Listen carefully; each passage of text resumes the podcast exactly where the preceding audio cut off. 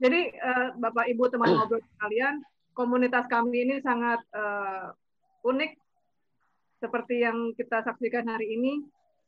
Uh, dua pakar Timur Tengah, yang satu dari pesantren, satu lagi dari pesantren Katolik. Pesantren Katolik. Dan uh, mungkin yeah. kita kalau dengar Saya boleh komentar, Amanda, oh, Bobby. Boleh. Ya, ini boleh, baru kayaknya... tentang Mas Iya, silakan. Ya, sebenarnya Mas Trias itu guru saya. Jadi eh, ini ini penting. Saya selalu katakan pada murid-murid saya yang belajar nulis sama saya, kalau ingin jadi penulis sederhana, bacalah bukunya Mas Trias. Hmm. Jadi saya belajar menulis ketika di Al Azhar Mesir itu itu dari tulisannya Mas Trias di Harian Kompas. Jauh sebelum kenal dekat sekarang. Dan eh, sederhana sekali karena tulisan Mas Trias itu tulisan yang otentik, yang orisinil. Saya suka penulis yang otentik. Dia menulis apa adanya, yang ada pada pikirannya. Karena apa yang ada di pikiran dan dari hati nurani kita itu luar biasa indah. Nah, Mas Trias itu bisa mengekspresikan apa yang dalam pikiran dan hati nuraninya Mas Trias. Eh, sama itu tekniknya. Jadi Mas Trias itu sebenarnya guru saya yang sekarang menjadi sahabat eh, apa ke mana-mana gitu. Kalau jalan-jalan ke Timur Tengah, eh, misalnya Mas Trias tulisan Mas Trias tentang Timur Tengah itu eh, sangat menarik, sangat bagus. Beda dengan tulisan orang-orang yang eh, apa eh, punya satu eh, apa, keberpihakan. Mas Trias berusaha ya sebagai penulis saja, ya, menulis dari berbagai dimensi. Nah, salah satu buku Mas Trias itu Jerusalem. Nah, menarik karena Jerusalem udah cetakan berapa? 30 katanya. Uh, Jerusalem dua dua sembilan kalau nggak salah ya. Mas Trias ya? Iya, iya. Dia juga nggak tahu di, kayaknya iya, oh, itu diramal oleh Gus Dur. Dilamar oleh Gus Dur itu buku Jerusalem itu cetakan minimal cetakan 25. Jadi ah. sekarang udah lewat. Jadi eh, cetakan bukunya Mas Trias tentang Yerusalem itu buku menarik karena Mas Trias menulis dengan satu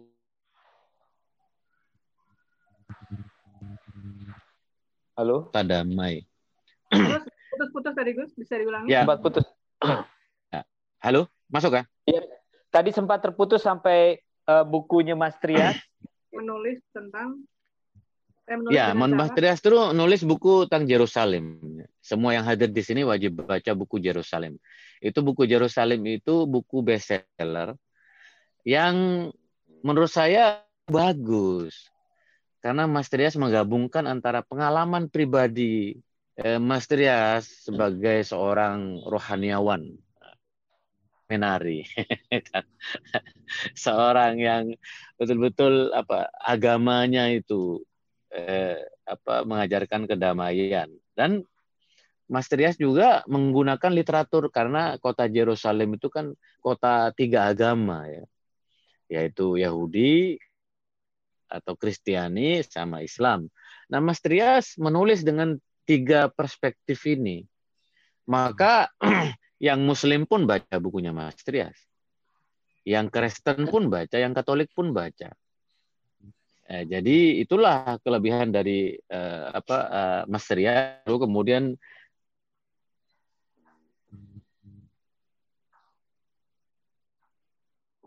Ya, putus sedikit lagi. Nah, buku Yerusalemnya Mas Trias itu bisa menjadi pegangan contoh kalau kita ingin menulis buku yang bagus dan bestseller. Oke. Okay. Mesra Baik. banget kan hubungannya uh, Mas Iya dengan Gus di sini saling saling memuja, saling Tapi Mbak Amanda, kan? bukan karena mereka apa namanya ya mereka bersahabat dan mereka satu komunitas di dalam grup kita, grup WA kita, tetapi memang kedua-duanya menurut saya memang uh, penulis yang berbobot ya. Uh, artinya ya saya suka dengan bukunya Gusmis, juga tulisan dia yang paling banyak itu Gusmis sekarang ini nulis di detik.com gitu kan. Sedangkan Mas Trias dengan uh, kredidensial dia ataupun di webnya gitu kan.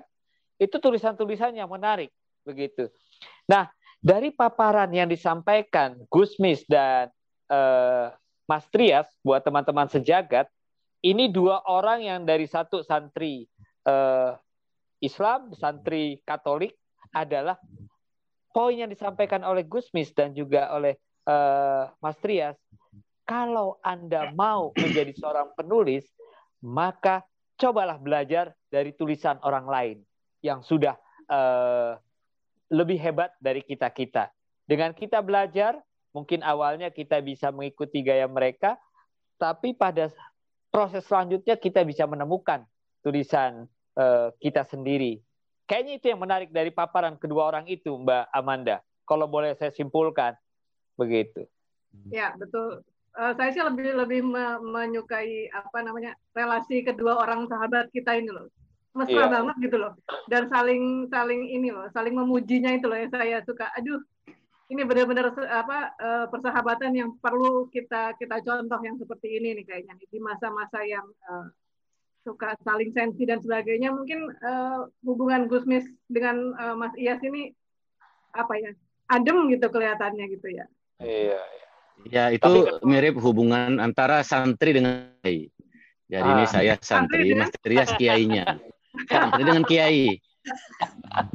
Kiai dengan gitu. Kiai. Ya, kiai itu ngemong, jadi dengan santri. Jadi biasanya kalau saya ke Timur Tengah, Mas Trias yang suka traktir karena uang sanggul dari Kompas kan gede. kalau jalan kalau jalan Mas Trias itu seru kalau ke Timur uh, Iran misalnya. Gus, ini sangu saya gede gitu. oh berarti mungkin perlu Makanya, buku nih kolaborasi keduanya ini bikin buku apa? Iya nih. Ya. Hanya hanya Gus Mis waktu kita pergi, saya bisa minum wine di pesawat, Gus Mis nggak bisa. itu bedanya. Ya, ya, saya bisa minum wine. Gus, ah, mohon maaf, ah, minum wine ini. Ya. Gus Mis cuma lihat-lihat aja dan senyum-senyum aja itu.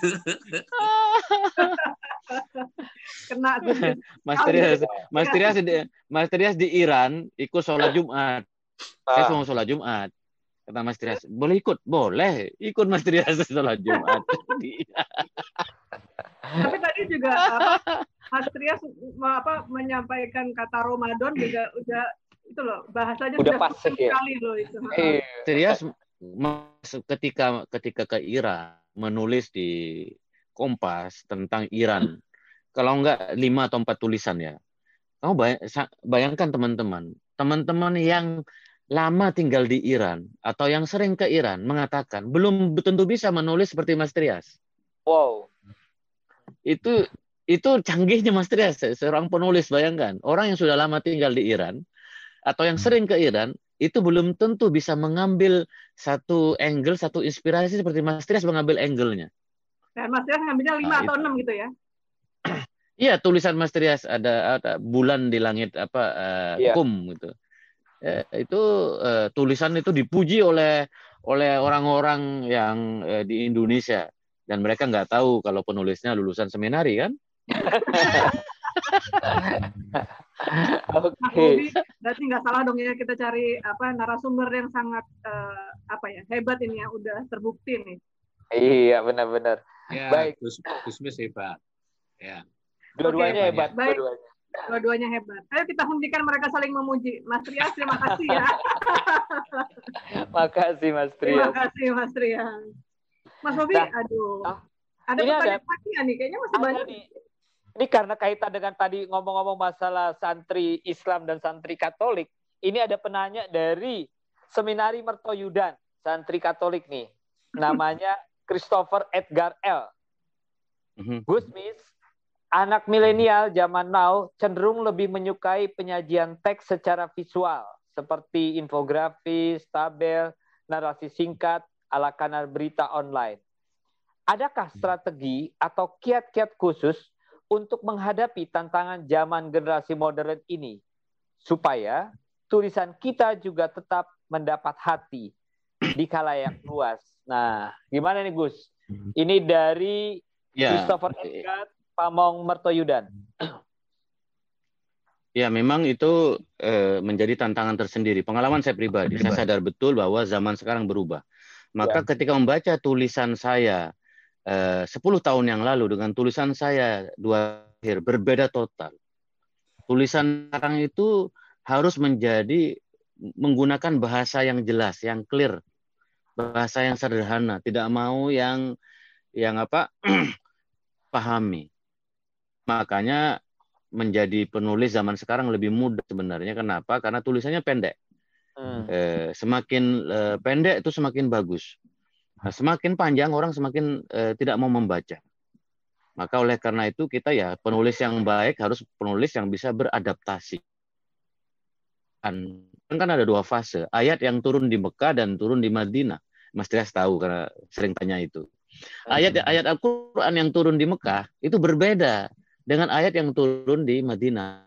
Itu tulisan yang eh, 10 tahun sekarang berbeda. Maka saya dengan Mas Trias itu memang bekerja keras untuk menulis sesuatu yang yang sederhana. Ya, mungkin ini ada kaitannya dengan warung Padang sederhana, Bobi. Kenapa laris ya? Karena warung Tegal. Sederhana, walaupun harganya mahal.